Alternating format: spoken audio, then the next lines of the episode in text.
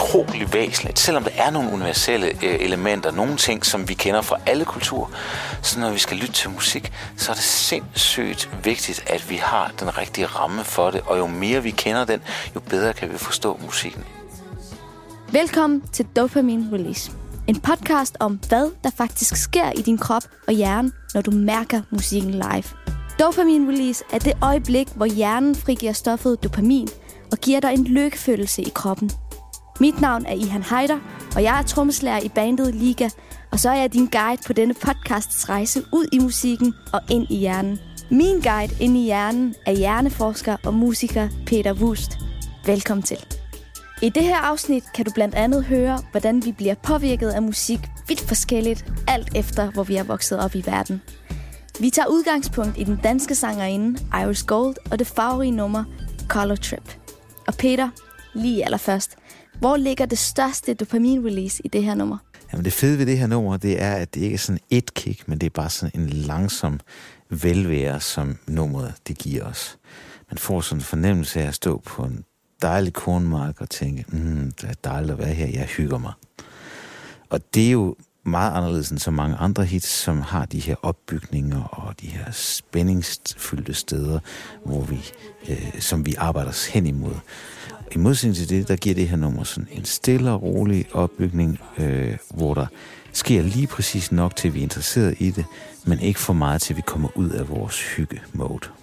Getting for all the boys and girls.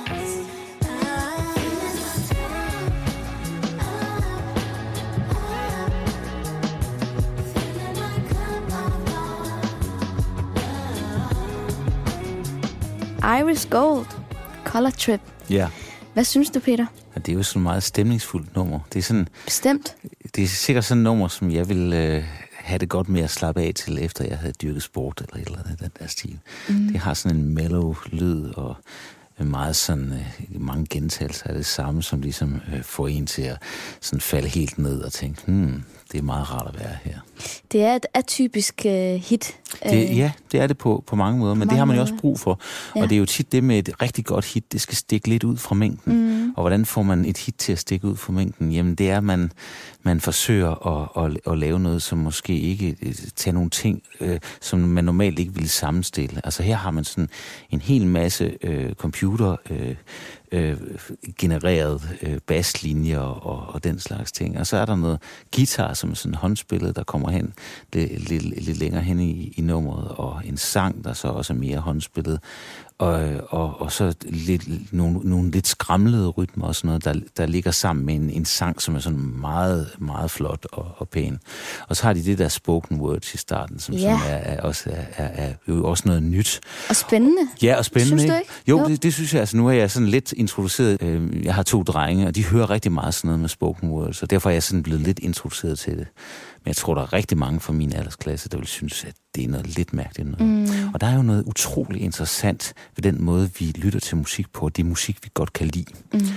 Fordi selvfølgelig er der nogle universelle ting, øh, som vi alle sammen reagerer på. Altså hvis noget er hurtigt, så, så kommer der mere gang i os, og hvis det er langsomt, så får vi lyst til at sove måske, eller noget andet. Men langt det vigtigste i den musiksmag, vi har, det er det kulturelle, det som vi kender fra vores kultur, øh, de forskellige øh, ingredienser, som vi kender. Mm. Og øh, der er faktisk lavet nogle ret interessante forsøg, hvor man, øh, det er faktisk en fyr, jeg kender, som hedder Tom Fritz, en øh, tysk forsker, ja. som øh, tog til Ghana, så op i bjergene, og så fandt han en stamme, som stort set ikke havde nogen øh, forbindelser med omverdenen. Specielt havde de ikke noget elektricitet, og de havde ikke, de havde ikke radio og så videre. Men de havde en meget, meget speciel musik. Han spillede noget af det for mig. Og for mine ører, der lød det fuldstændig vanvittigt. Det er sådan nogle øh, benfløjter, de spiller på, og øh, jeg kunne virkelig ikke høre hoved eller hale i det. Og det sjove ved det var, at Tom han havde så taget noget tysk slagermusik med til den. Ja. Men han havde fire versioner af det. Ja, han havde en version, som var helt almindelig. Så havde han en version, hvor han simpelthen havde bare spillet det baglæns. Okay. Og så havde han en version, hvor han havde forvrænget det. Ja. Og så havde han en version, hvor han både spillede det bag, baglæns og havde forvrænget det. Okay. Og de her, øh, sta, det her stammefolk, de har så lyttet på de der øh, numre, og, øh, og så skulle de så sige, hvor godt de kunne lide den. Ja. Og de kunne stort set lide dem alle sammen øh, lige godt. Hmm, det, det lyder fint, det der baglæns, øh, øh, forvrænget baglæns. Ja, det lyder faktisk meget godt. Hvorimod, hvis de hørte der, deres egen musik, hvor man har ja. gjort det samme, så vidste de præcis, at det, det der, de der mm. forkerte versioner lød så dårligt. Helt ikke? forkert, ja. Så gjorde han det samme med nogle tyskere. Okay. Og de kunne jo selvfølgelig sagtens sige, at med tysk musik, der var det den rigtige version, der lød meget bedre. De kunne meget bedre lide det, end hvis man havde gjort noget øh, underligt mm. ved det. Ikke? Hvor med det der stammusik, det kunne de ikke rigtig høre forskel på. Så det er utrolig væsentligt, selvom der er nogle universelle mm, øh, ja. elementer, nogle ting, som vi kender fra alle kulturer, så når vi skal lytte til musik, så er det sindssygt vigtigt, at vi har den rigtige ramme for mm. det, og jo mere vi kender den, jo bedre kan vi forstå musikken. Og når man nu hører det her nummer, for eksempel, øh, øh, med, med Iris Gold her, så, så er, er det klart, at øh, jeg skal lige fordi jeg ikke lige er målgruppen, så skal jeg lige høre det et par gange. Når jeg så mm. har hørt et par gange, så kan jeg godt forstå det. Ja. Men hvis man nu kom fra Sydjemen, så ville man sikkert synes, det var virkelig, virkelig mærkeligt. Ja, det var ikke nummer, noget for dem. Men, men altså, nu er det jo et, det er et lidt langsommere track, ja. med meget laid back øh, det er det. Øh, elementer. Får man stadig den der dopaminudløsning i hjernen, selvom det er et nummer, der ikke rigtig siger en noget? Nej, det gør man normalt ikke, når, okay. hvis det ikke siger en noget. Men hvis det siger en noget, mm. så kan det her... Det, det er ikke sikkert, at det her det kører så meget på dopamin, men mere sådan en form for øh, velvære, som kommer ved, at øh, kroppen ligesom kommer ind i sådan en langsom rytme, hvor man tænker, mm, det, jeg kan bevæge mig, og, og hvad hedder det, det her musik, det, det, det er ligesom en varm sommerdag, hvor jeg står og kigger ud over en kornmark eller et eller andet. Og på den måde kan det jo passe rigtig, rigtig godt til en festival. Hvorfor tror du, at det her det, det er gået hen og blevet et hit?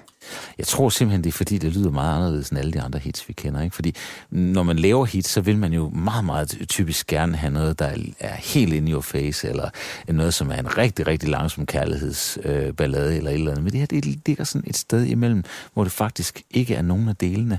Og, og på den måde, så øh, tænker man alligevel, det kunne godt være, at jeg lige skulle høre det igen, fordi det var lidt sjovt at høre i den der... Fordi når man, lad os nu sige, man hører sådan, hvis, lad os nu sige, man hører den Teams radio, mm. for eksempel, ikke? så vil man jo på et eller andet tidspunkt tidspunkt siger, at jeg ved med det samme, når jeg hører det her nummer, så ved jeg godt, hvad der skal ske i det. Når man hører det her, så kan man nok tænke, hmm, gad vidst, hvad, hvad der sker i det. Og en meget vigtig øh, ting, når vi skal øh, have, hvis man skal have et hit, det er at sørge for, at folk bliver fanget af det mm. og kommer til at høre det et par gange. Ja. For så snart vi har hørt det nogle gange, så, har, så, så kan vi typisk meget bedre lide det. Det er et meget spændende nummer. Hvordan tror du, det fungerer live? Jamen, øh, det, det tror jeg fungerer rigtig godt til, øh, til dem, der godt kan lide det i forvejen. Hvordan tror du, folk reagerer på sådan en sang som den her? Men jeg tror, at det er noget, hvor man vil hygge sig ja. til det. Jeg tror ikke, det er noget, hvor man går amok. Nej. Jeg tror heller ikke, det er noget, hvor man falder i søvn, men man vil øh, hygge sig til det, og hvad hedder det, øh, glæde sig over det gode vejr og samværet med de andre mennesker på festivalen. Tak for det, Peter. Selv tak. Og min anbefaling er som altid, kom nu ud og hør noget live musik. Du kan høre Iris Gold på landets festivaler og spillesteder hen over sommer og efterår. Og det synes jeg faktisk, du skal gøre, uanset hvor i verden du er vokset op. Denne podcast er en del af kampagnen Music Against Drugs, der er en opfordring til at lade musikken være din rus. Bag kampagnen står Sundhedsstyrelsen, Dansk Live og Roskilde Festival. Hvis du vil vide mere om, hvordan live musik påvirker dig, så gå ind på www.radioplay.dk